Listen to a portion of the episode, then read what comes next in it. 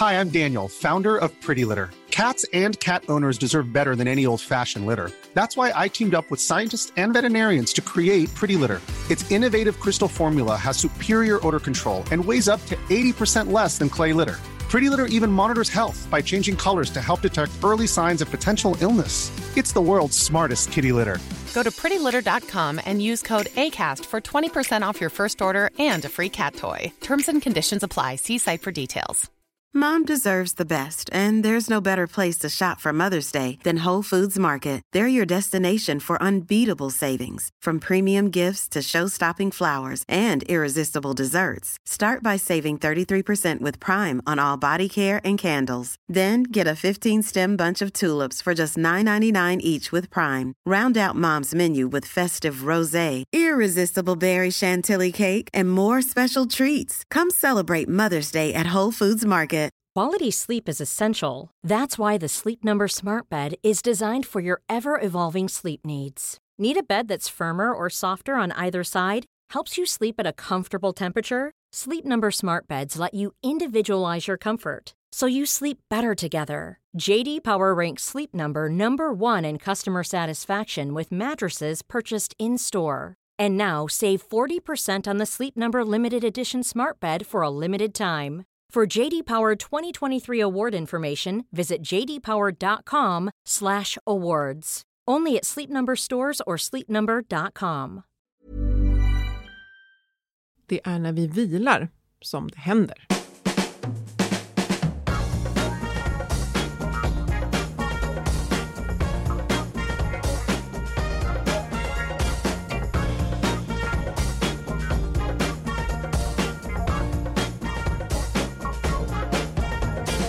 Det här är Health for Wealth, en podd om hälsa på jobbet. Trots att vi får det bättre och bättre mår många av oss bara sämre. Hur har det blivit så? Och hur kan vi använda vår arbetsvardag för att bygga både långsiktig hälsa och lönsamhet? Det tar vi reda på i den här podden. Vi är Ann-Sofie Forsmark. Jag driver företaget Formstark Resiliens. och Boel Stier, copywriter. Lyssna på oss för nya insikter varje vecka för dig som är chef, HR, ledare eller medarbetare.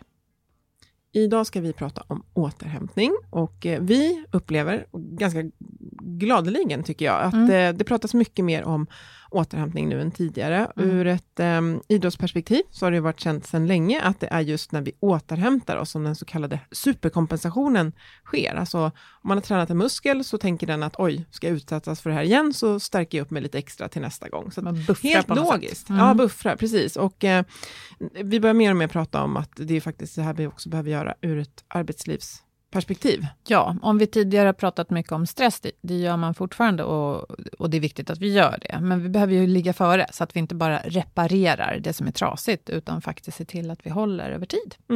Stärker upp oss. Livet är utmanande. Ja, Både livet och arbetslivet. Ja, verkligen. Och några som har stenkoll på återhämtning, både sedan länge, men också jobbar med det med stor eh, geografisk spridning, är vår samarbetspartner Firstbeat. Och vi är så glada att ha med oss Ida Aidanpe Immonen idag för, i poddstudion för att prata om just återhämtning.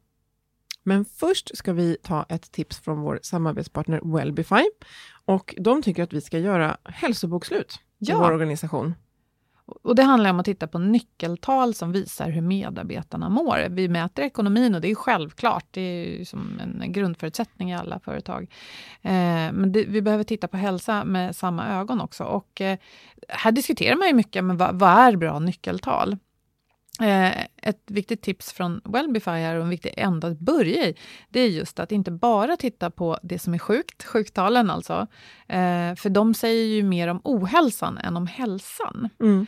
utan titta även på friskfaktorerna. Mm. Och jag tänker att här, eftersom jag vet att de jobbar med KASAM, känsla av sammanhang, och det är hämtat ur det salutogena synsätt, alltså vi tittar på det som är friskt och fungerar. Och det som Eh, bygger friskhet. Ja, det som bygger det friska. Och eh, då vill ju de skifta lite perspektivet i ett hälsobokslut, att titta på saker som är bra för hälsan som man har på plats. Och då mm, får vi fundera lite utifrån vilken typ av verksamhet vi har, vilka typer av nyckeltal som är relevanta. Jag har ju lyft upp ett exempel som att om man kan se att många vill börja jobba hos oss till exempel, så kan det vara ett, ett frisktal. Men Mm. de har flera andra Mm. exempel. Mm. Upplevt välmående bland Mm. medarbetarna ett sånt.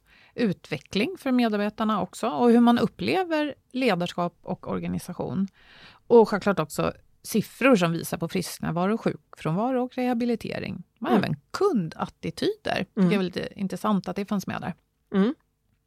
Men börja i en lagom skala som ni kan hantera. Man behöver aldrig göra allt på en gång. Det, mm. det tycker jag alltid är bra att ha med sig. Ja. Se det som en långsiktig process och integrera hälsobokslutet i organisationen. Du kan läsa mer på wellbify.se under bloggen.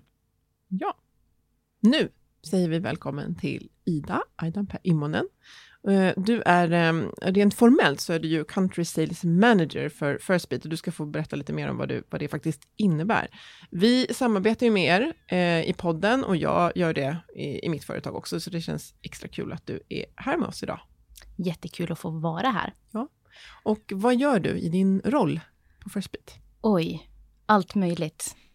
Um, i och med att vi ändå är ett ganska litet team ännu på den svenska marknaden, så trots att jag jobbar, min titel är Country Sales Manager, så jobbar ju jag jätteoperativt med våra kunder, träffar de kunderna som vi har, försöker hjälpa dem att komma vidare i sin verksamhet med hjälp av First Beat, hitta nya kunder, poddar här med er, mm. äh, är med på mässor och representerar First Beat.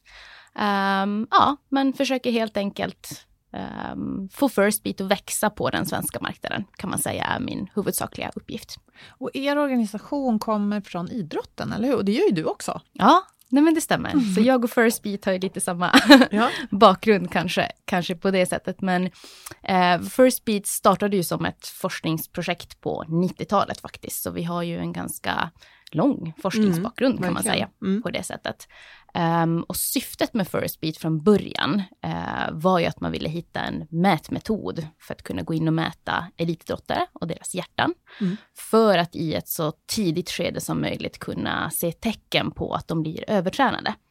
Uh, för som ni säkert vet så blir man övertränad inom elitidrotten, så det kan ju ta flera år innan man kommer tillbaka från ett sånt tillstånd, om man någonsin kommer tillbaka. Mm. Uh, per Elofsson inom skidåkning är ett ganska bra exempel på det. Han kom ju aldrig tillbaka från sitt stora överträningstillstånd mm. när han gick in i väggen. Um, och det är ju faktiskt precis samma effekt som händer oss vanliga människor också, som blir vad vi kallar övertränade i arbetslivet, mm. eller går in i väggen. Mm. Uh, det kan ju ta väldigt, väldigt länge för en person att komma tillbaka från ett sådant tillstånd. Och det som First Beat egentligen upptäckte var ju att kroppen ger ut samma typ av fysiologiska signaler, oavsett om det är en övertränad elitidrottare eller en övertränad vanlig människa som har jobbat lite för mycket med för lite återhämtning mm. i sin vardag. För det som ni jobbar med, teknologin, det är ju att mäta hjärtat. Mm. Mm. Precis, så mm. vi mäter egentligen varje hjärtslag, det som vi mm. kallar för pulsen. Och sen mäter vi också tiden mellan hjärtslagen, det som kallas för hjärtfrekvensvariabilitet. Mm. Och det ni letar efter är just att hur kan ni hjälpa varje medarbetare att hitta sin bästa återhämtning? Exakt, så att vi såklart mäter ju en massa olika saker, men det är återhämtningen egentligen som nästan alltid kommer upp i fokus. För att vi vet ju om, både vi och många andra som har gjort liknande studier på marknaden, så vi vet ju om att återhämtningen är bland det viktigaste vi behöver ha med oss. Eh, så det ska bli kul att få prata lite mm. återhämtning med er mm. idag. Ja, vad kul. Precis, för vi kan ju landa att, det, att spänna bågen, utmana sig, det, det gillar vi väldigt många och, mm. och, och, ska kunna göra. Alltså så. Men det är just just det här att för att kunna göra det, inte bara en gång utan flera gånger, kanske under en vecka, månader, år, så behöver vi få till eh, en återhämtning och det är där vi liksom ser att det brister och ni kan verkligen se det med, med specifik data, inte bara att jag skattar mig själv utan verkligen mäta det. Mm. Och jag gillar också, eh, för vi har också pratat om det här i podden, att det mäts väldigt mycket just nu. Vi lever allt mer i ett datadrivet samhälle och datadrivet är liksom ett modeord och eh, alla blir så nöjda och glada när man kan sätta siffror på saker och ting. Men att om vi bara då ligger efter och ska reparera det som har blivit sjukt, så det är inte lika smart som att rusta oss inför det som komma skall. Så därför är vi väldigt glada för att det känns som att man börjar prata mer om återhämtning än, än om stress bara. Eh, jag är lite nyfiken på det här med att mäta, som du säger Ida, Mm. Är det så att alla som jobbar med er, eh, där går alla medarbetare omkring och blir mätta hela dagarna? Nej men så är det ju kanske inte riktigt på First Beat. Såklart så tror jag att vår organisation är mer mätvilliga eh, såklart i och med att vi jobbar med det här. Men det är inte så att alla går omkring med vårt mätinstrument Bodyguarden varje dag. Men vi har ju den förmånen att vi kan mäta oss så mycket som vi vill och vi gör även personalmätningar två gånger per år och då är det så att alla deltar i den, men vi mm. håller det fullständigt anonymt även hos oss. Och det är inte så att man går och delar resultaten med sina kollegor om man inte vill. Sen har ju vi ett ganska så här positiv inställning till mm. mätning som gör att ganska lätt blir det ju så att även de här röda resultaten som vi faktiskt också kan se på First Beat såklart. Det är inte så att vi är eh, privilegierade och inte har stress mm. på våra arbetsplatser i och med att vi jobbar inom teknologibranschen som går i 110 procent framåt. Ja. Så även vi har ju liksom arbetsperioder med väldigt mycket belastning. Men då är det ganska skönt att man har många duktiga kollegor som mm. kan liksom hjälpa en att förstå att vad betyder de här resultaten och vad skulle du kunna göra aktivt mm. på egen hand för att du ska kunna tackla den här belastningen mm. lite bättre. Jag bara tänker att man ser det och värderar det. Att det är inte fult att då ha, som du säger, röda resultat eller att, att uh, man blir stressad, utan vi, vi är ju inte maskiner, det är ju det allting mm. handlar om. Men när man mäter, alltså om ett företag eller en organisation anlitar er, de, den här typen av mätningar, man har på sig någon slags mätinstrument någon dag eller två, sådär, eller hur? Och sen så får man vila från det och titta på resultaten, eller hur? Ja men det stämmer. Så att man får ha på sig den här lilla bodyguarden i 72 timmar. Så det blir både tre dagar och tre hela nätter.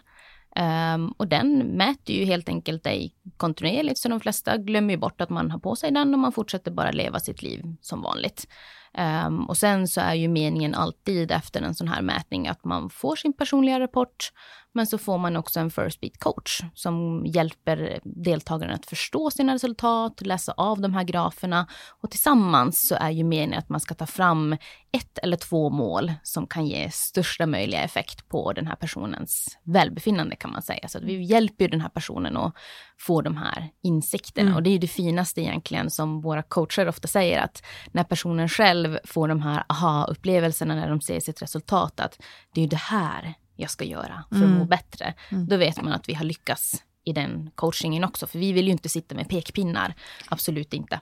Men tänk, du berättade också, Ann-Sofie, att du mm. hade testat det här mm. och just gjort, äh, dragit en slutsats som, alltså det var något som överraskade dig. Mm. Så det är inte bara så att, att eh, ja titta, du är minsann stressad här ibland. Nej, mm. det kanske jag hade kunnat ja, tänka precis. mig. Men man kan väl... Ja, nej, men just, precis, och att man får så tydligt Eh, just att de mäter liksom sömnen och det var så skönt att se att ja, men jag sover lika bra som jag tror, men här tror jag att jag är lugn, men det är jag inte. Och sen också att jag var så här, ja men vad häftigt att jag ändå tänkt att jag har varit eh, jag har varit på jobbet, men att varit i den här gröna, lugna zonen, just för att jag varit så harmonisk under den perioden på dagen.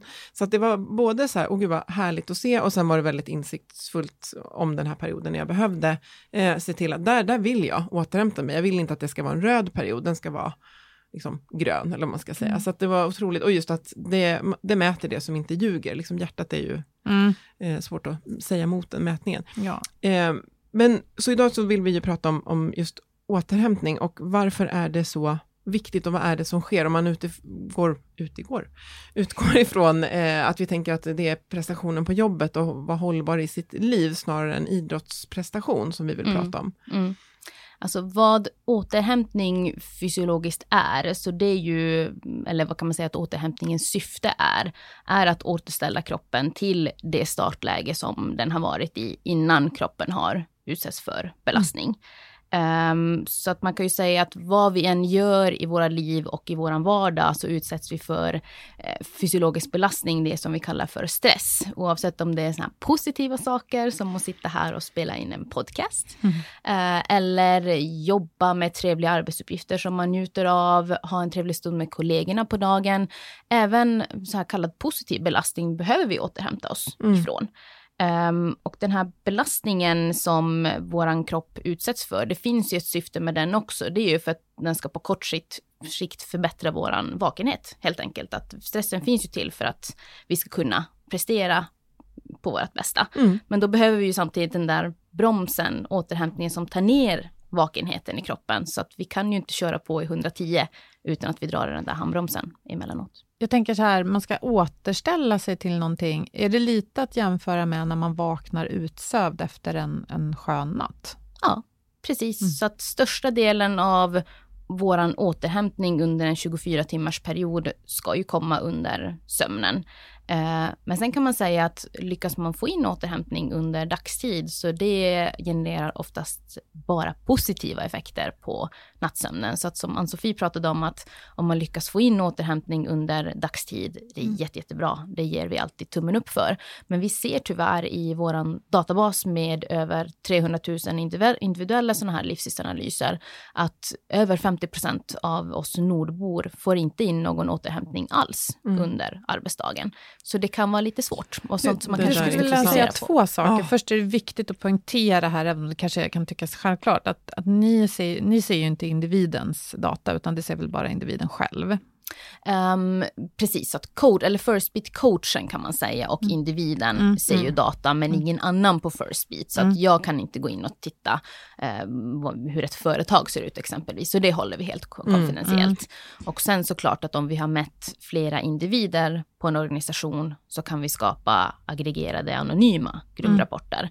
För det är ju den informationen som vi gärna vill visa företagsledningen. Mm. Så det, det, det, det, är inte en storebrorsgrej att man ska liksom i detalj övervaka medarbetarna? Utan, Exakt, mm. inte så, utan, utan mer för att hjälpa medarbetarna och verkligen förstå hur de reagerar i sin egen vardag och vad gör de bra? För det är ju många som gör jättemånga bra saker i sin vardag som man kanske inte ens tänker på att men det här är ju en återhämtningsstrategi mm. som jag ska ta med mig när det sen kanske stormar i mitt liv, både på fritiden och i arbetslivet. Mm. För man kan ju ha mer belastande situationer i hela sitt liv, inte bara på, på arbetet. Men jag tänker just det där att man kan få en aggregerad rapport och säga att jo, men på vårt företag så tar folk fika, raster och lunch och sen ser man bara ingen får återhämtning under arbetsdagen. Alltså då är det rätt, alltså det är, ja, ja rätt så intressant. vad är då återhämtning? Ja. Precis, är det att det... fika eller är det att eh, liksom sträcka på sig två minuter? Eller vad är det för de flesta människor? Um, det är det som är så himla individuellt, att det kan vara väldigt olika för olika personer. För någon kan den här fika och lunchrasten vara återhämtning. Eh, vad som händer i kroppen vid återhämtning är ju oftast att pulsen går ner till en lite lägre nivå och vi kan mäta upp en längre tid mellan våra hjärtslag. Eh, där är det jätteolika sen, för vem kommer det här fysiologiska reaktionen in. För någon kan det vara att man sitter och fakturerar och får in återhämtning och för någon kan det vara att man sitter i ett möte där man inte själv kanske behöver vara så aktiv. Man mm. kan bara själv sitta och lyssna. Mm. Uh, man behöver inte prata. Då kan man komma ner i ett jättefint grönt återhämtningsläge. Mm. Men för någon annan som sitter i samma möte som kanske anstränger sig eller är lite ny på jobbet, kanske tycker att den här situationen är lite obehaglig. För den kan ju det här mötet vara jättestressande. Och det är det som är så intressant. Jag tänker också det på en, eh, en, en, en fikarast, en bara personlig reflektion och jag vet många andra också, att man känner att egentligen vill man inte fika för man känner inte att man har tiden, man kanske är just det här inklämd mellan hämta och lämna, förskola mm. eller skola och så tar man fikarasten för att det känns, normen är att man ska göra det. Men det är inte alls återhämtning utan snarare så här stress, bara snälla när får jag gå härifrån? Mm. Så att det, det, du beskriver det är ju att det, det finns ju vissa det, det, är inte en specifik aktivitet, utan Nej. det är upplevelsen av aktiviteten. Där behöver man verkligen reflektera eh, själv. Eh, mm. och också som sagt, man kan få hjälp av, med, genom den här mätningen, just när man tror att det är på ett visst sätt, så kan man mm. få det verifierat. Så. Mm. För det kan vara väldigt bra att komma ihåg att vila och återhämtning är ju inte samma sak. Samma sak som sömn och återhämtning inte är samma sak. För vi kan ha en person, om vi pratar om det här med vila och återhämtning, som aktivt kanske försöker ta en powernap eller mediterar eller yoga eller liknande. Men har du kört på i 110 procent en allt för lång tid med bristfällig återhämtning så kommer inte din kropp förstå vad den ska göra när du helt plötsligt lugnar ner dig. Så man kan behöva träna upp kroppens förmåga att komma ner i återhämtningsläge. Mm. Um, det bästa, eller vad kan man säga, det enklaste sättet att få in återhämtning, vi kanske kommer ta upp det lite längre fram, men det är ju också att ha en god fysisk kondition. För då mm. kroppens förmåga att ställa om från rött till grönt eh, mm. förbättras. Den förstärks. Liksom. Så, mm. Ja, det ska vi definitivt eh, prata. Så vad, vad händer då när man, när man missköter sin återhämtning? Det här är ju, ja, all, vi, vi, men jag vill höra liksom din, din beskrivning av det. Ja. Och vad, vad tål vi? Liksom? Mm. Um, det man kan säga är att utan tillräcklig återhämtning under en längre tid så kommer ju kroppen liksom eh, överbelastas och välmåendet kommer att försvagas. Eh, så att lite krast kan man egentligen säga nästan att bakom varje återhämtning eller bakom varje utmattning så finns det ju en kronisk brist på återhämtning. Mm. Um, så att blir det under längre, längre tid så kroppen klarar helt enkelt inte av det, utan vi måste få in den här viktiga, viktiga återhämtningen. Eh, och det som oftast händer när man får in för lite återhämtning under en kontinuerlig tid blir ju att man hamnar i den här negativa spiralen. Man kanske inte orkar motionera, man orkar inte ta hand om sig själv, äta kontinuerligt, gå och lägga sig i, i god tid. Man kanske ligger uppe och kollar för länge på den där serien för det är ett sånt kort tillfälle som man upplever att man mår bra av. Mm. Men då hela tiden så tar man från den där viktiga återhämtningen istället för att orka ta de här besluten som mm. gör att och vi några glas vin bättre. varje kväll. Så här, ja, ja. Jag tänker socialt också, att man känner att jag orkar inte eh, träffas. Och egentligen är det just det där när jag träffar mina vänner som jag har liksom valt att vara med och också att man känner kanske det här dåliga samvetet som många föräldrar känner att man, eh, humöret och orken räcker inte till att liksom vara fullt närvarande med barnen, så att det blir liksom negativ mm. cirkel där också, att man känner att man, ja. Så man kan egentligen lite jämföra det med ett gummiband som liksom konstant töjs ut av den belastningen som vi har i vardagen. Att får man aldrig den där återhämtningen vars gummibandet lite kan återhämta sig så kommer man ju bara fortsätta att spänna och spänna och spänna och spänna ut det tills att det går av. Eh, och det är ju samma sak med mm. kroppen och återhämtning. Att mm. får vi inte in den så kommer inte kroppens gummiband orka töjas ut. Mm kommer ta stopp någonstans. Jag tänker att det måste handla en del om trygghet. För att om, om jag funderar på den här situationen, då, sitta och podda. Eh, är man ovan vid det, att det är mikrofoner och att man spelar in, då, då, då blir det stressande naturligtvis. Mm. Nu har vi gjort det så mycket så vi är troligen ganska trygga. Eh, jag tänker att om man då har en arbetsvardag där mycket är otydligt och man aldrig fått kvitto på att det man gör räcker, då, då kan jag tänka mig att det där gummibandet är utsträckt hela tiden. Kan mm. ni se sådana samband? Ja, men det kan vi se. Um, vi, kommer, vi pratar ganska stora saker här ändå. Att, att det, det vi ofta försöker lyfta fram, både på individnivå och på gruppnivå, är just det här att om vi ser att en stor del av personalen upplever samma saker. Mm. Exempelvis det här att om vi ser att ja, men, hela den här gruppen har faktiskt stora problem med sin återhämtning, då tyder ju säkert det oftast på att men där är ju någonting i arbetsbelastningen som inte stämmer överens. Eh, vad vi försöker göra är ju att hjälpa individen eh, att vara mer förberedd för den arbetsbelastningen som finns. Men det är fortfarande organisationens uppgift också att faktiskt gå in och titta på det här. Att kan vi på något sätt fördela arbetsbelastningen bättre eh, mm. eh, så att de här individerna ska orka. Så att det blir det här gemensamma ansvaret. Eh, att både individen och organisationen kan tillsammans mm. fokusera på mm. de här frågorna. För det är inte alltid så att, att stressen är som värst där man så att säga jobbar som flest timmar eller har för, det, det är ju någon slags upplevd press. Mm. Jag tänker att det hänger ihop just med otydlighet eller att man aldrig tycker att grejer blir klara mm. eller att ingen blir nöjd med det man gör. Mm. mm. Och det kan ju förstås vara på gruppnivå. Mm. Sådär. Mm. Men jag tänker också just det där som håller på och men just utbildar i det här ämnet med liksom hållbar arbetsprestation, att när man pratar arbetsbelastning så är det en objektivt, man tänker så här, objektivt så är det så här, för mycket att göra på för lite tid eller för tungt eller vad det nu kan vara. Men det är så otroligt mångfacetterat, för det kan vara just att det kan vara, jag har lagom tid och kraft och allting för det jag ska göra, men det pågår en konflikt. Eller mm. jag är jättenervös för att prata inför folk och jag har massa möten där jag ska göra det, det blir jobbigt. Eller mm det är otydligt vad kraven är på mig. Eller, mm. Jag lirar inte med min chef. Nej, jag är och då orolig blir det som för omorganisation och neddragning. Mm. Alltså där behöver man verkligen reda ut, vilken arbetsbelastning är det egentligen vi pratar om som är eh, för hög? Och sen kommer vi då in på att, eh, för det också tänker på det här gummibandet, det är att det man ofta hör, det är ju ungefär som att man ser inte att det håller på att tänjas ut, utan man hör bara när det smäller. Men mm. det finns så mycket signaler där innan som vi behöver agera på, utan man bara kör på. Och, så, och när det väl säger pang, som du beskriver också med mm. Elofsson som exempel, så är det så otroligt lång väg tillbaka. Och vi vill ju så gärna börja se när det bara börjar spänna mm. i det och, och, det inte är lika spänstigt, om man ska säga. Mm. Och det handlar väl också såklart om kommunikation och våga lyfta fram och våga prata. Det pratade ju ni om i ert förra avsnitt också om de här prestationsprinsessorna och kravkungarna. Mm. Att våga säga ifrån att ja, men nu upplever jag att jag har lite för mycket att mm. göra, jag behöver hjälp. Att det är okej okay att säga så ja. i en organisation också. Eh, att man inte bara är den som alltid, jag, jag klarar det, jag pallar det, ja, men mm. jag har ju alltid klarat av det här tidigare, nu gör jag det också.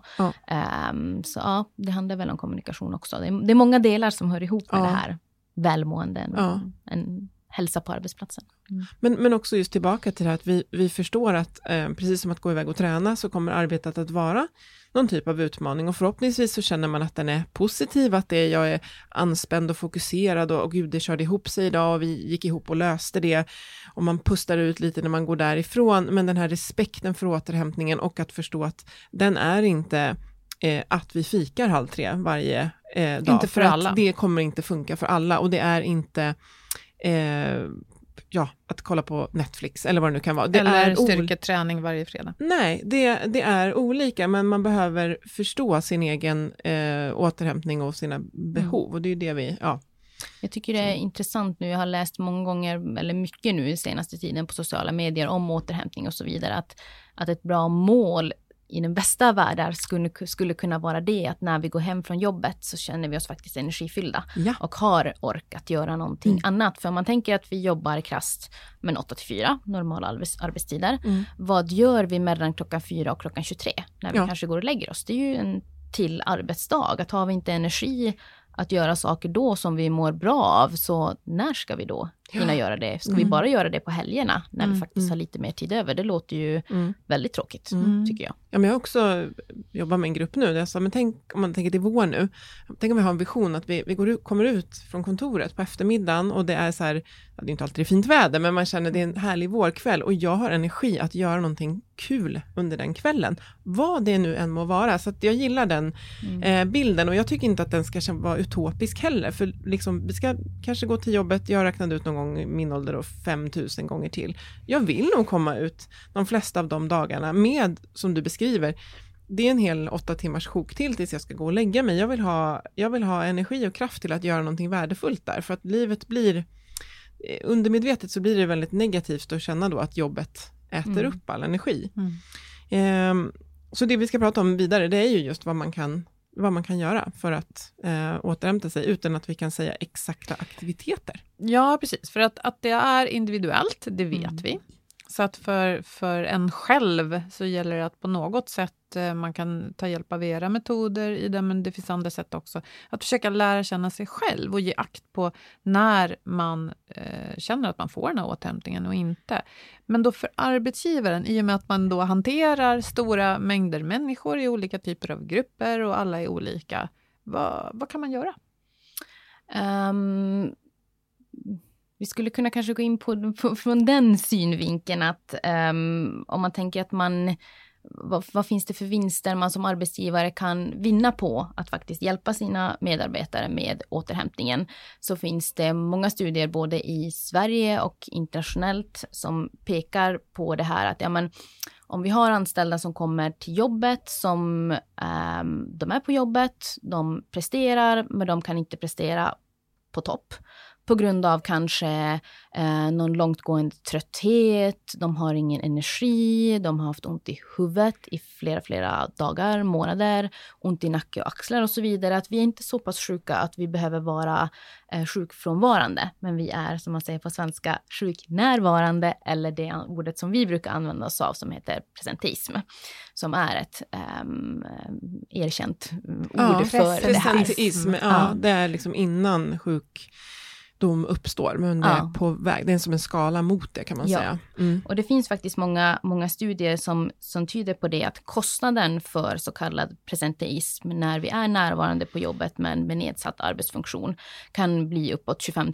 000 kronor per anställd per år. Mm. Så börjar man räkna på att man har över 100 anställda så är det ganska stora summor vi mm. pratar om. Det finns till och med studier som internationella sådana som tyder på att det kan vara mycket, mycket större, men vi kan utgå från det här 25 000 Mm. Uh, och det handlar ju såklart, tycker jag ändå, inte bara om det heller att det ska finnas pengar att spara, utan sen har man ju alltid det här andra också, att ja, men vill man inte att de anställda ska må bra mm. på arbetsplatsen, mm. att vi ska tycka det livet är ganska trevligt och roligt och ha energi efter jobbet och så mm. vidare. Så det är många olika faktorer som spelar in, men, men det här med att det faktiskt finns vinster i form av pengar att tjäna in på det här mm. också, det ska man inte sticka under stol med heller. Nej, precis. Så det är precis både av alltså, verksamhetsskäl, men också ren omtanke om människor, vilket jag mm. hoppas att de flesta men jag tänker ändå att även om vi alla är olika så fungerar ju människor ungefär på samma sätt. Alltså det finns väldigt mycket gemensamt ändå. Vi behöver sömn, vi behöver mat, mm. vi behöver eh, social tillhörighet och det här. Um, är det någonting som du skulle säga, Ida, som alla arbetsgivare kan se till att de har på plats, just för att gynna förutsättningarna för allas återhämtning? Um, svår fråga, verkligen. Uh, men mycket kan man ju också, um, eller mycket återhämtning kan man få ut genom att fokusera på vissa, vad ska man säga, kulturen på arbetsplatsen. Mm. Att man lägger upp regler för det. Exempelvis bara en sån sak att när är det okej okay på en arbetsplats att skicka och svara på mejl. Mm. Har vi, det här är säkert ett sånt exempel som kommer upp alltid, men jag tycker men det är att det är jättebra att repetera det. För ja, det. Att är det okej okay att skicka mejl efter klockan 18 på kvällen. Eh, om det är så att vdn skickar ut ett mejl exempelvis, har vi en sån kultur att vi måste svara? Eller är det okej okay att ja, men jag svarar nästa dag när jag hinner se det? Mm. jag tycker det är sådana små saker. Och sen mm. även det här att, eh, ja, men är det okej okay att ta en paus, en fikapaus, mm. kafferast, eh, lunch på en arbetsplats. Mm. Det kan ju vara så att om man är den enda på en arbetsplats som faktiskt tar den där kaffepausen, mm. hur länge vågar man göra så när man märker att men det är ingen annan som mm. gör det. Mm, Då kanske min chef tror att jag är lat för att jag mm. kommer att ta den här mm. kaffepausen. Um, men det är också skulle... jättekonstigt, förlåt att jag avbryter, ja. men det är jättekonstigt att vi vet ju att vi inte kan vara högpresterande mm. liksom åtta timmar i sträck. Det går ju inte. Och sen kan man göra aktiva saker. Jag skulle faktiskt vilja lyfta fram min egen organisation First Beat som jag jobbar på, för vi har varje vecka någonting som kallas relaxations, relaxation på torsdagar eh, klockan 14. Eh, så då har vi att alla som vill får komma till vårt kök och så har vi såna här fina mattor som man kan lägga sig ner och så lyssnar vi på ett sånt här eh, avslappningsprogram mm. i 15 minuter. Mm. Helt frivilligt, ja. man måste absolut inte delta om man inte vill, men det är i alla fall ett, vad kan man säga, ett incitament att ja, men det är okej okay, om mm. du vill lägga 15 minuter av din arbetsdag på det här så ger vi dig mm. möjligheten till att göra det. Um, det kan man göra såklart på egen hand också, men det kanske är ännu mer accepterat om man märker att men, jag får göra det. Att det, mm. det finns i min kalender. Vi skickar ut en sån kalenderinbjudan till mm, alla. Det så det finns i Outlook. Ja. Mm. För finns det i Outlook, då händer det ju oftast. Händer det. det som finns i Outlook händer. Men jag tänker också mycket på det att det är, eh, du kommer in på kulturen och det är, det är ju jätteviktigt att det är, eh, vi kan göra så mycket i det vi redan gör. Jag tänker ur ett ledarskapsperspektiv, att man pratar om, om man själv känner, jag är ju sämst på återhämtning, man kan prata om att man strävar efter och att man uppmuntrar det och att man kan visa att man försöker ta liksom, lunch och om man inte gör det förtydliga liksom, vad det beror på och sådär. För att eh, kulturens, det är så svårt att skriva regler runt det här när vi som mm. vi har landat i just är så olika.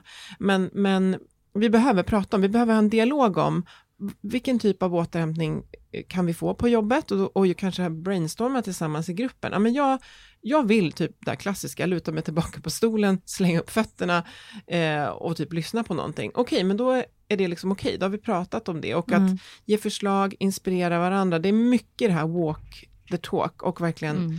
förstå också att det, det kanske inte kommer spontant, för det lättaste är ju bara att köra på i åtta timmar, mm. men vi vet med forskning, data, självreflektion, att det inte funkar. Jag gillar det här när du säger att man ska lyfta fram den frågan, för det kan man verkligen säga är kanske arbetsgivarens viktigaste funktion när det kommer till den här frågan. Att man faktiskt lyfter fram vad är återhämtning så att alla förstår det, även om vi kanske vet att ja, men, återhämtning kan vara vila. Det pratade vi redan om tidigare, att mm. återhämtning och vila är inte samma sak. Mm. Att faktiskt också de anställda får den informationen, man utbildar dem, man lyfter upp de här frågorna, kanske tar fram olika strategier för när är det okej, okay, när är det inte och så vidare. Mm. Där har nog arbetsgivaren, det är en av de viktigaste sakerna som de mm. kan göra för att främja bättre mm. återhämtning. Och sen gäller det just att det, måste följas upp på flera led, tänker jag också att det, eh, så det är jättebra om ni tar pauser här, men här kommer ap mycket att göra med väldigt otydliga direktiv, grattis, mm. att det, det, det, det, måste följas upp hela vägen, men det betyder inte att om man känner att men det, hos oss är det väldigt otydligt just nu, så kan man i alla fall i sin grupp och där man är försöka göra det man kan med det man har. Så. Mm. Och sen att även våga liksom lyfta fram att att jag upplever att det är otydligt, är någon annan som upplever det. Mm. Då kanske man får fem andra kollegor som säger, ja men jag tycker också det här är lite ja. otydligt. Mm. Men vad skönt, då är inte jag ensam om att känna Nej. mig dum för att jag inte förstår Nej. den här arbetsuppgiften exempelvis. Bara det kan ju generera att våra stressnivåer liksom sjunker, för vi mm. vet att vi är flera som sitter i samma båt. Mm. Vi hade ju eh, Kristina Palmer från KI som pratade om det här hur man hanterar gränslösheten. Mm. Eh, gränslösheten då i det allt mer digitala arbetslivet.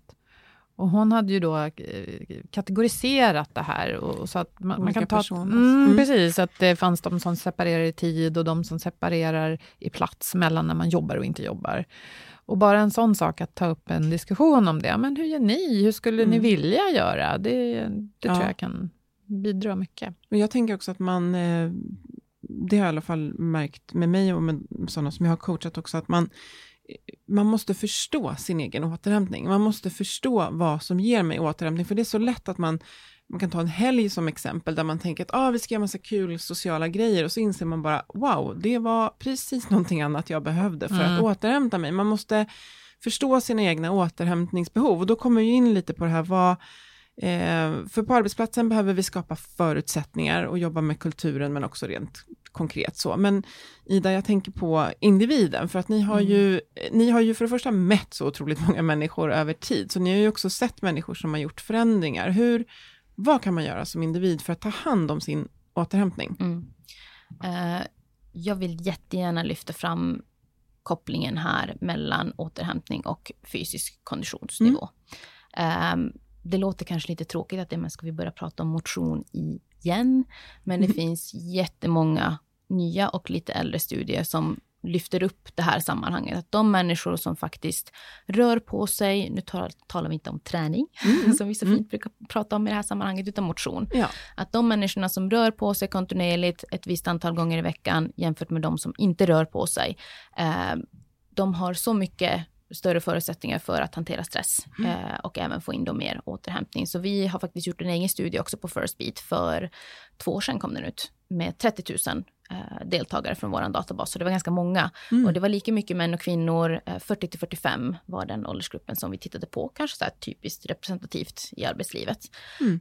Um, och då såg vi att de som rörde på sig kontinuerligt mer än tre timmar i veckan jämfört med de som inte rörde på sig alls.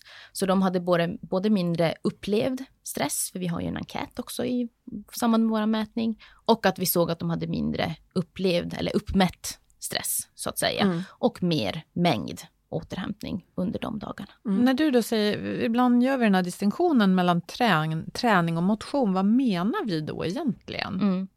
Eh, för mig så tycker jag att träning och motion är två totalt helt olika saker.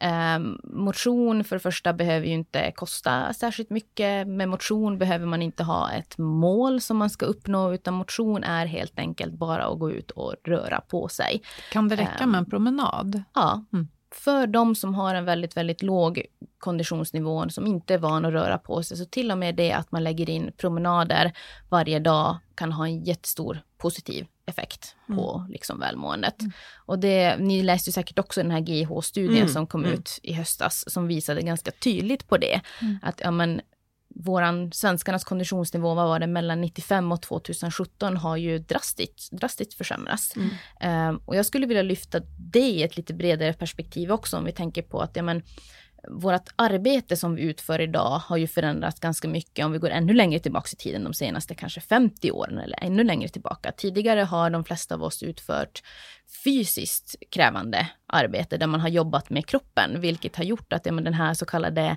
vardagsmotionen som vi alla behöver har ju kanske kommit in redan eh, under arbetets gång mm. och vi har inte behövt röra på oss så mycket vid sidan av arbetet. Mm. Medan om man tänker idag de flesta av oss, det finns ju såklart människor som fortfarande utför fysiskt betungande arbete, men de flesta av oss genomför ju ändå vad vi kallar för kunskapsarbete, mm. som absolut inte är fysiskt på något vis. Vi sitter vid våra kontor och jobbar med datorerna och det gör ju att behovet av att röra på oss utanför arbetet blir ganska mycket större. Mm. Och om man jämför det då med GHs undersökning så visar ju kanske det på att ja, men där har vi inte riktigt lyckats. Mm. Och samtidigt med det här då så ser vi ju att återhämtningen blir sämre och sämre och människor blir mer stressade och mm. stressade. Mm. Så därför skulle jag vilja påstå att det här med fysisk aktivitet, mm. motion, hänger jättemycket ihop med återhämtning. Mm. För jag tänker där att det är ju två delar. För det första så finns det ju en fysiologisk effekt i kroppen, när man, mm. man kan se det som att man, man rensar de här stresshormonerna på ett sätt och, mm. och eh,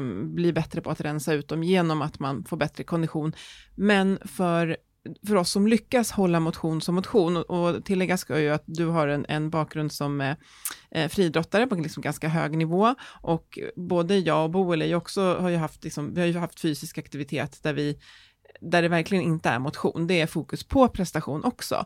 Och när det kanske är lättare för oss att göra den distinktionen, för att jag kan ju också säga att jag verkligen när jag motionerar, så kan jag känna att det ger mig energi, eh, och att själva aktiviteten i sig blir en typ av avkoppling och återhämtning. Men mm. för många så kanske man tänker att nu ska jag gå iväg och återhämta mig genom att träna, men man kanske går från en bullrig kontorsmiljö med människor och hög volym och så går man in och ska högprestera framför speglar på ett pass. Då kanske inte den träningen just då eller den motion, det blir inte motion, det blir en till typ av, mm. av prestation. Men när vi kan hitta den här sweet spoten med mm. motionen så tänker jag att själva aktiviteten, ja men just att komma ut och röra på sig i naturen. Nu vet jag att inte alla gillar det, men det, blir ju, det känns ju som en återhämtning från den typ av ansträngning jag haft på jobbet, som kanske var just stillasittande. Hur mm. ser du på det där?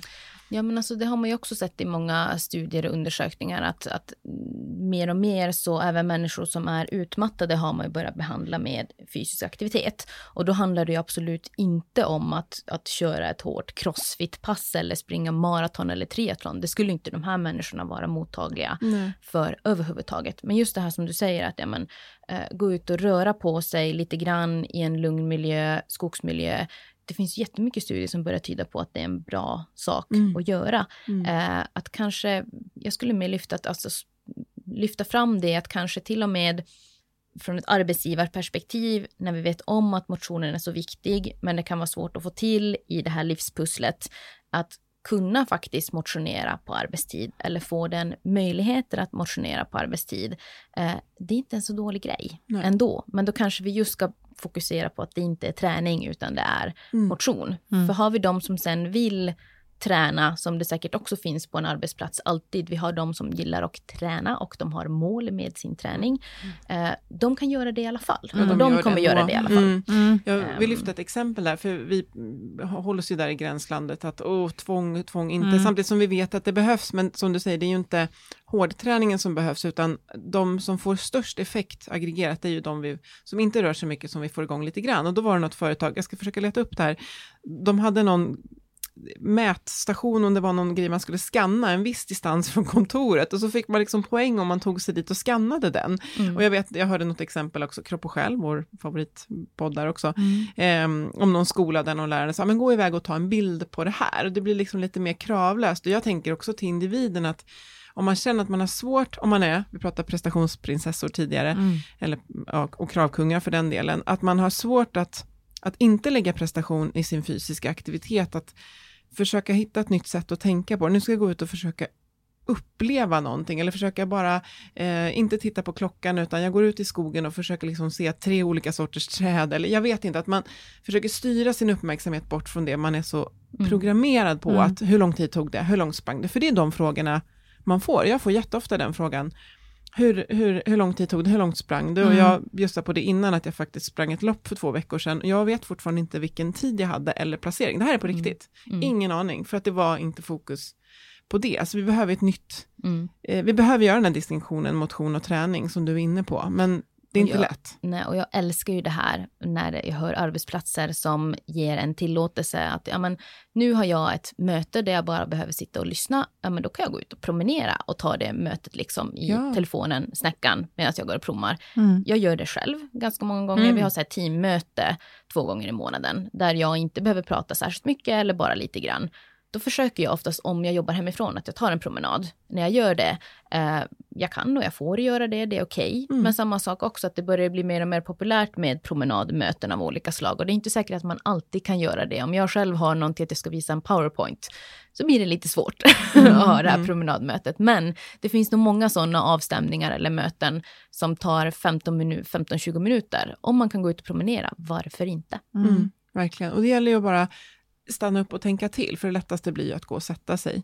Mm. Eh, men du lyfter det här viktiga med, med, fysisk aktivitet för individen och förstå att det inte mm. behöver handla om, eller ska snarare inte handla om prestationsidrottande, utan mm. så. Och det behöver inte vara tvång. Nej, men mer eh, saker just för individens perspektiv, hur man kan tänka runt sin eh, återhämtning och ta hand om den. Mm.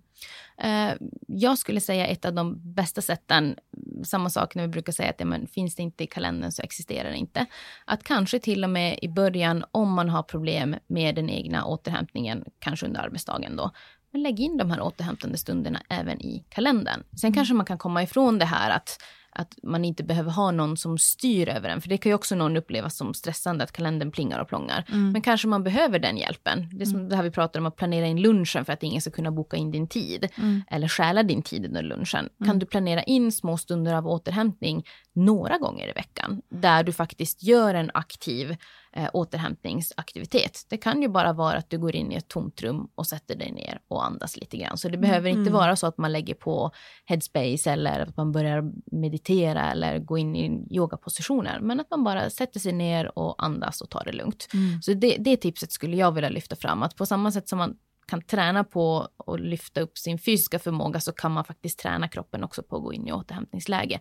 Och man kan behöva träna kroppen en längre tid mm. för att den ska börja förstå att nu när den här pulsen går ner så ska jag liksom gå in i det här avslappningsläget och mm. inte bara hela tiden vara aktiverat. Ja, mm. För kroppen, som du säger, den, den börjar ju, eller kroppen hjärnan framförallt, börjar anpassa sig till det vi använder den till. Och om den ja men man får ju aldrig återhämtning här, så blir den liksom inte så redo för det heller som du säger att om vi bara ställer oss på en yogamatta. Mm. Det finns en fantastisk bild som, jag kommer inte ihåg, men det, det, det heter ju warrior pose, alltså krigarens position, fast mm. den här kvinnan står i warrior, alltså orospositionen. Mm. Och det är ganska vanligt warrior. att man tänker att man har varit på ett yogapass, eh, men man har kanske stått och stressat över hur man ser ut och hur man ska mm. äta till middag. Och det Syns är igen, min mage nu, hela ja, yogapasset? Liksom. Ja, precis. Det är inte aktiviteten, det är mindsetet. Sen mm. finns det vissa aktiviteter som självklart gör det lättare att komma mm. in. Men jag, jag vill verkligen plocka upp det där med att eh, behöver inte ens ha en app, men vad händer om du bara sätter dig, blundar och andas in och ut genom mm. näsan? Mm. Eh,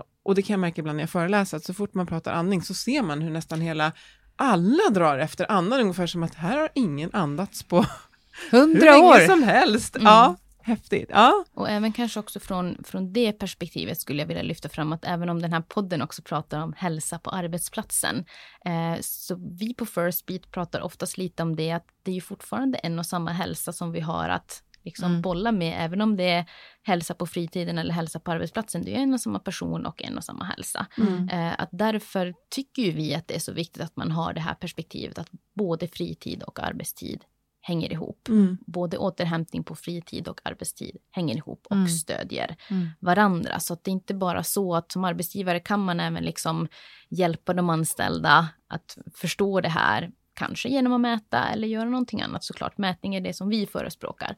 Eh, och lära sig att förstå att hur det faktiskt hänger ihop hela det här sambandet. Om vi har en 24 timmars period, att vi har den där åtta timmar på arbetsplatsen och vi har den här åtta timmarna på fritiden. Vad kan jag göra för att jag ska vara förberedd, uthämtad eller utvilad när jag kommer till jobbet. Mm. Vad kan min arbetsgivare göra för att när jag kommer bort från jobbet eller slutar på jobbet ska jag vara i ganska pikt skick om man säger så mm. för att mm. orka med min fritid. Mm. Att man mm. tillsammans tar ansvaret. Mm. Jag tänker att ni mäter eh, säkert många som inte, nu pratade vi åtta timmar, men som inte jobbar bara åtta timmar utan snarare jobbar jättemycket mer. Vad, eh, för man säger att det är inte antal timmar, säger man. Å andra sidan så någonstans blir ju det relevant, det vet ja. har vi också sett i studier.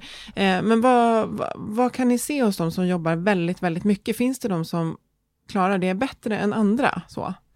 Eh, då går jag tillbaka till det här. De som jobbar väldigt, väldigt mycket och klarar det bra är oftast de som är i fysiskt god kondition. Mm. Eh, oftast, det krävs, det, det, liksom. krävs mm. det. Att kroppen, liksom, för att den ska palla psykiskt och fysiskt så krävs att konditionsnivån är på en viss nivå. Och det kan låta liksom tråkigt men, men det är liksom rå fakta från, från mm. databasen eh, mm. som tyder på det. Så det får man kanske vara beredd på lite att vill man kunna jobba hur mycket som helst så måste man satsa på mm. den biten också. Att mm. man kan eh, jobba hur mycket som helst, eh, men är inte kroppen tillräckligt god fysisk kondition för att palla det så kommer den säga stopp mm. i något skede. Så att man får ju ta de valen kanske då själv. För då tänker jag när du säger god fysisk kondition, eh, träning kräver ju ofta lite mer återhämtning också, så det mm. gäller att hitta tänken, balansen där då. Att, Exakt, ja. för det är ju den andra delen som vi också ser, de här överpresterarna, mm. som har just det här triathlon, maraton, Jajamän. det är de här grejerna som alltid lyfts fram lite negativt, mm. men så är det ju. Mm. Som kanske jobbar heltid plus lite till och så ska man ännu springa triathlon på sin fritid. Eh, det är ju de här sen som överpresterar och tar från återhämtningen ännu, ännu mer. Mm. För att de inte ger utrymme till Nej. återhämtningen. Så det, det, går ju alltid någonstans mm. över. Men det är ju det här också som man inte behöver gissa sig till utan man kan ju faktiskt gå in och mäta och mm. se hur mm. ser det ut just för mig? Var går min gräns? För den ser inte likadan ut för Nej. oss alla. Man kan säga så här också, att det, det, kan ju finnas anledning för en person att vilja jobba 70 timmar i veckan av någon mm. anledning. Sen har jag svårt att se att det skulle hålla liksom ett helt yrkesliv. Men det kan vara att man driver ett eget företag eller att man vill hoppa på en chefsroll och det här är vad som krävs. Och då kan man ju fundera på att även om triathlon kan ju vara något som ger en väldigt mycket glädje. Som du säger, vi pratar ibland så här negativt och det är triathlon, Leffe som klär skott för allting. Men jag menar, jag känner folk som älskar triathlon ja, och som, får, ja, mm. som växer och, och liksom ja. hittar mycket, mycket mm. glädje i det. Men just kanske också mängden, nivån och prestationskraven där mm. och att man ser till att få återhämtningen. Mm. Och just det att det kanske inte allt kan pågå på en gång. Det är ju Nej. ofta det, för att man, man backar inte från det ena, men nu är jag inbokad på Vasaloppet och Stockholm Marathon här och samtidigt mm. är det bokslut och ditten och datten. Så att, eh, Allt kan eh, men inte det där är, Ja, men det är intressant, för som du säger, då är det, över, då är det överprestation. Eh, och det håller faktiskt inte över tid. Mm. Så är det. Mm.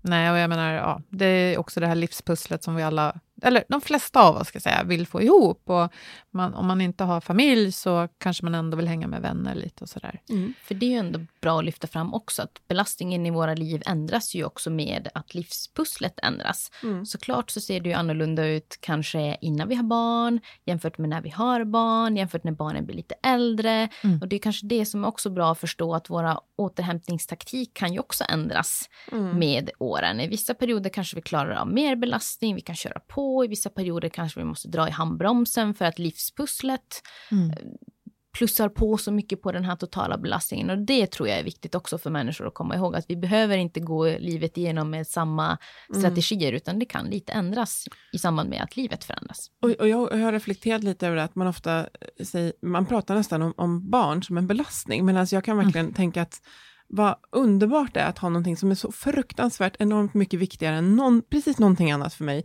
som gör att jag, det är inte alls svårt mm. när jag säger, ska jag stänga av jobbet nu och fokusera på mina barn? Sen är det inte lätt, jag säger inte att jag, liksom inte, att det är jobbtankar som flyger medan man bara, Va, vad sa du? Men, men det gör det så mycket lättare, att det är så kristallklart. Jag tror att personligt skulle jag inte ha barnen så skulle jag vara mycket större risk, därför att jag skulle, men det är bara att köra på. Det är mm. liksom, fast man kan mm. det här. Så, så Det är väl att allt kommer i ett visst perspektiv och det har vi ja. också sett lite i databasen när vi har gått in och kollat ja. återhämtning mellan vissa grupper. Ja. Så det är ju lite intressant också att vi ofta ser att de här, den här gruppen som börjar närma sig pensionsstadiet, eh, fast att kroppens liksom fysiologiskt sett så blir ju kroppen sämre på att återhämta sig ju äldre vi blir, mm. tyvärr. Mm. Det är så det funkar. Men trots det så ser vi oftast att den här gruppen har mindre stress mm. och mer återhämtning i sin vardag. Och det kan man ju bara spekulera i vad det beror på. Jag tror ju helt klart att det beror på att de börjar bli så erfarna och de kan det här med arbetslivet och de prioriterar, de är duktiga kanske på att prioritera och på att delegera eh, och de tar inte press över sådana saker Nej. som de inte kan påverka. Jag så jag tror ja. att det har med saken ja. att göra. Det har inte vi mätt, Man, för det kan inte vi mäta nej, i sig. Men, men det kan ja. ju, vi kan väl hoppas i alla fall att de flesta lär sig under ett liv att bygga egen trygghet, tänker jag också. Och sen förstås att barnen blir äldre, då är det inte det här hämta lämna, att man mm. är klämd. Nej. Men ju, precis, just det där att man har lärt sig lite vad man stressar upp sig över och vad man inte. Och det är tyvärr bara livet som kan ge den erfarenheten. Men, man skulle vilja kunna portionera ut lite av det där, jag tänker till sitt 20-25-åriga själv som bara, ja. åh herregud katastrof, och nu mm. bara, äsch, det där löser sig. Mm. Ja, verkligen. Mer av det. Ja, det, det kan, vi hjälpas åt. I, det kan vi göra i vår egen vardag också, på det mm. sättet att, att är det så himla viktigt att det är toppstädat exempelvis hemma? Mm. Eh, är det så viktigt att jag måste hålla på med alla de här sysslorna, tvätta tvätt, eh, baka, städa, laga mat till sent på kvällen innan jag går och lägger mig? Mm. Eller kan jag bara säga att äsch, de där dammråttorna får vänta i hörnet mm. tills helgen? Att är det så noga? Och faktiskt också ta med sig det till, till jobbet. För det, ja. jag tänker att man kan ju också finna en viss glädje i att hinna ta undan disken på kvällen. så här. Och att, jag menar, att allt ska få sitt utrymme. Och även på jobbet, att allting kan mm. inte vara hundraprocentigt levererat jämt. Det går inte, man får Nej. vara lite snäll mot sig själv. Mm. Att det är så här, mm. lagom är ganska bra lagom emellanåt. Men jag tänker, ja. ni har så mycket fakta. Eh, och jag vet att ni har lite så här fun facts när ni tittar i eh, ja, tittar i den här källan till kunskap. Ja. Ha, har du något att dela med dig av som, vi kanske, som är lite oväntat? Ja. Vad tror ni? Jag skulle vilja ställa en motfråga till er mm. så här, så får ni gissa först. Mm. Um, återhämtning under årets gång. Vad är bästa och värsta månaden för återhämtning, tror ni? Oj. Jag tror värsta är december och det här med jul. In, inför ledigheter, stora ledigheter mm. tror jag är jobbigt. Ja, jag håller med. Och, ja. och bästa... Oh, kan det vara så här? Nej, inte februari, men september? Mitt eller? i eh, höst, mitt i vår skulle jag säga på något sätt, mm. när saker kanske rullar på. Ja. Om vi börjar med den värsta då, mm. så det säger databasen också november, december. Ja. Det är då vi har som minst återhämtning och mest stress. Mm. mm. Och det har ju säkert att göra med att såklart vi har jobbat en lång höst, kanske utan lov till och med. Eh, kanske någon har haft något höstlov eller sådär, men det är en ganska lång period ändå mm. av jobb.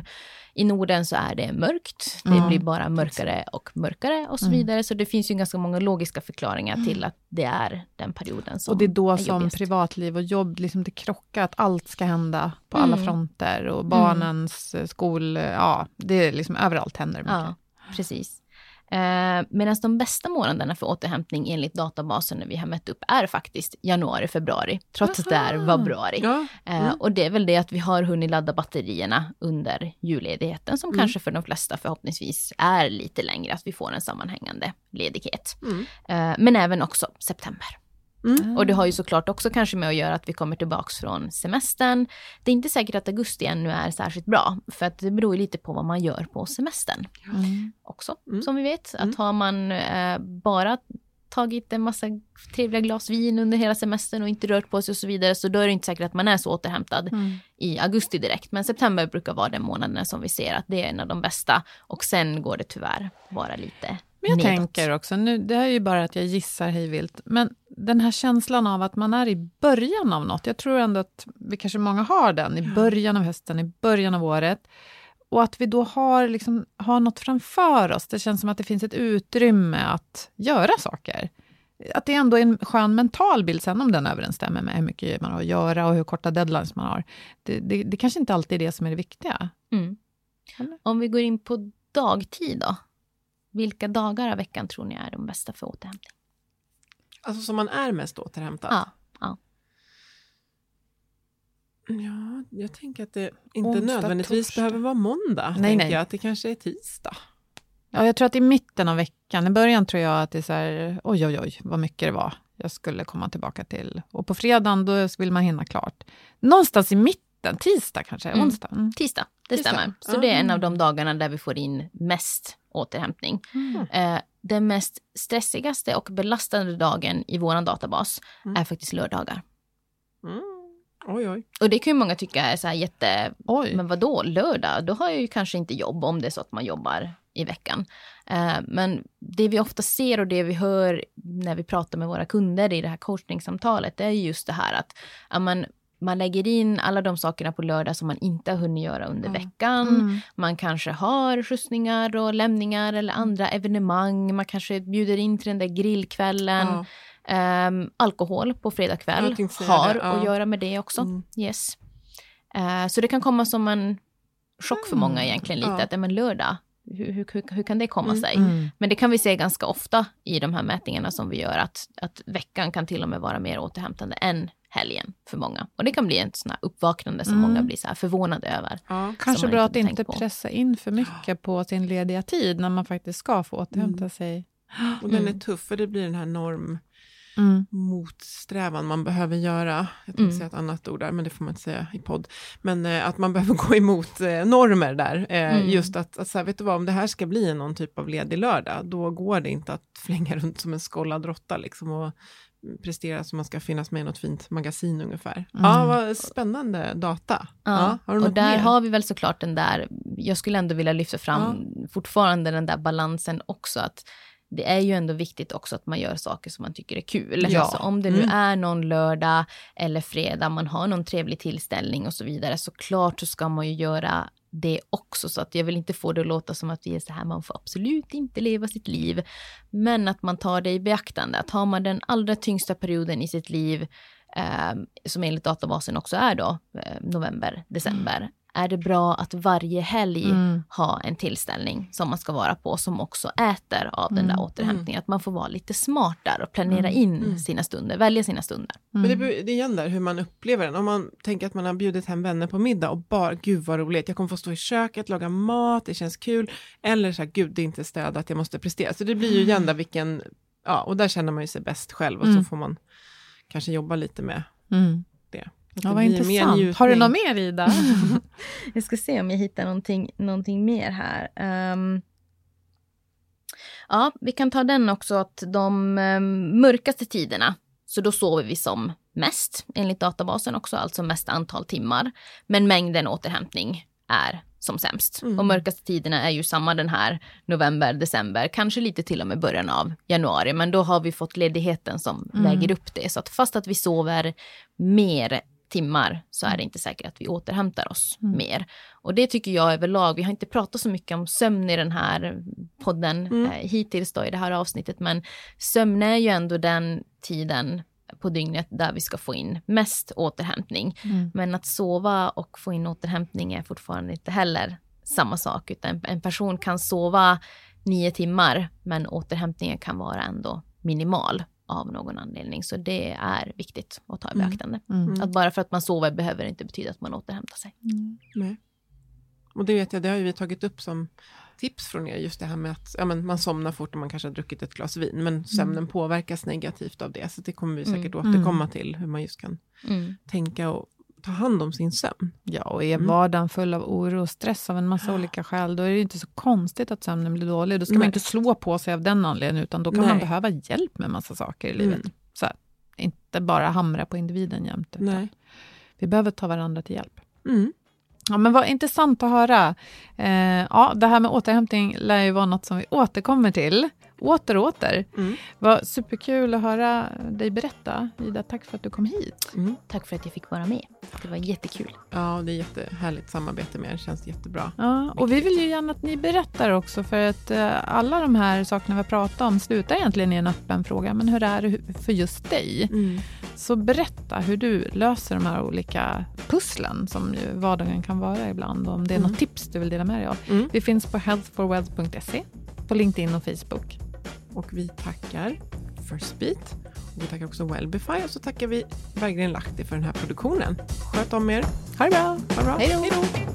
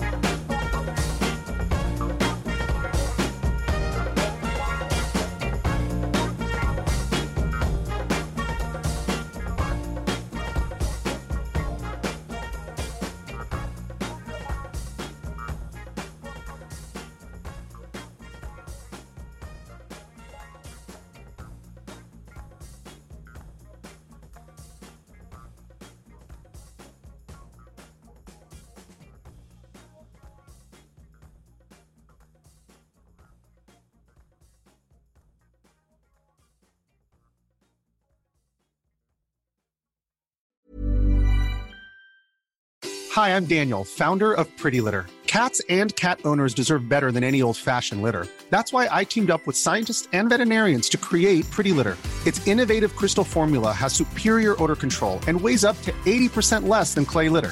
Pretty Litter even monitors health by changing colors to help detect early signs of potential illness. It's the world's smartest kitty litter. Go to prettylitter.com and use code ACAST for 20% off your first order and a free cat toy. Terms and conditions apply. See site for details. Hey, it's Paige DeSorbo from Giggly Squad. High quality fashion without the price tag? Say hello to Quince.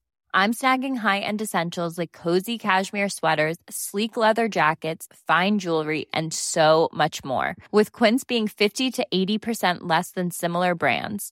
And they partner with factories that prioritize safe, ethical, and responsible manufacturing. I love that. Luxury quality within reach. Go to quince.com slash style to get free shipping and 365 day returns on your next order. Quince.com slash style. Mom deserves the best, and there's no better place to shop for Mother's Day than Whole Foods Market. They're your destination for unbeatable savings, from premium gifts to show-stopping flowers and irresistible desserts. Start by saving 33% with Prime on all body care and candles. Then get a 15-stem bunch of tulips for just $9.99 each with Prime. Round out Mom's menu with festive rosé, irresistible berry chantilly cake, and more special treats. Come celebrate Mother's Day at Whole Foods Market.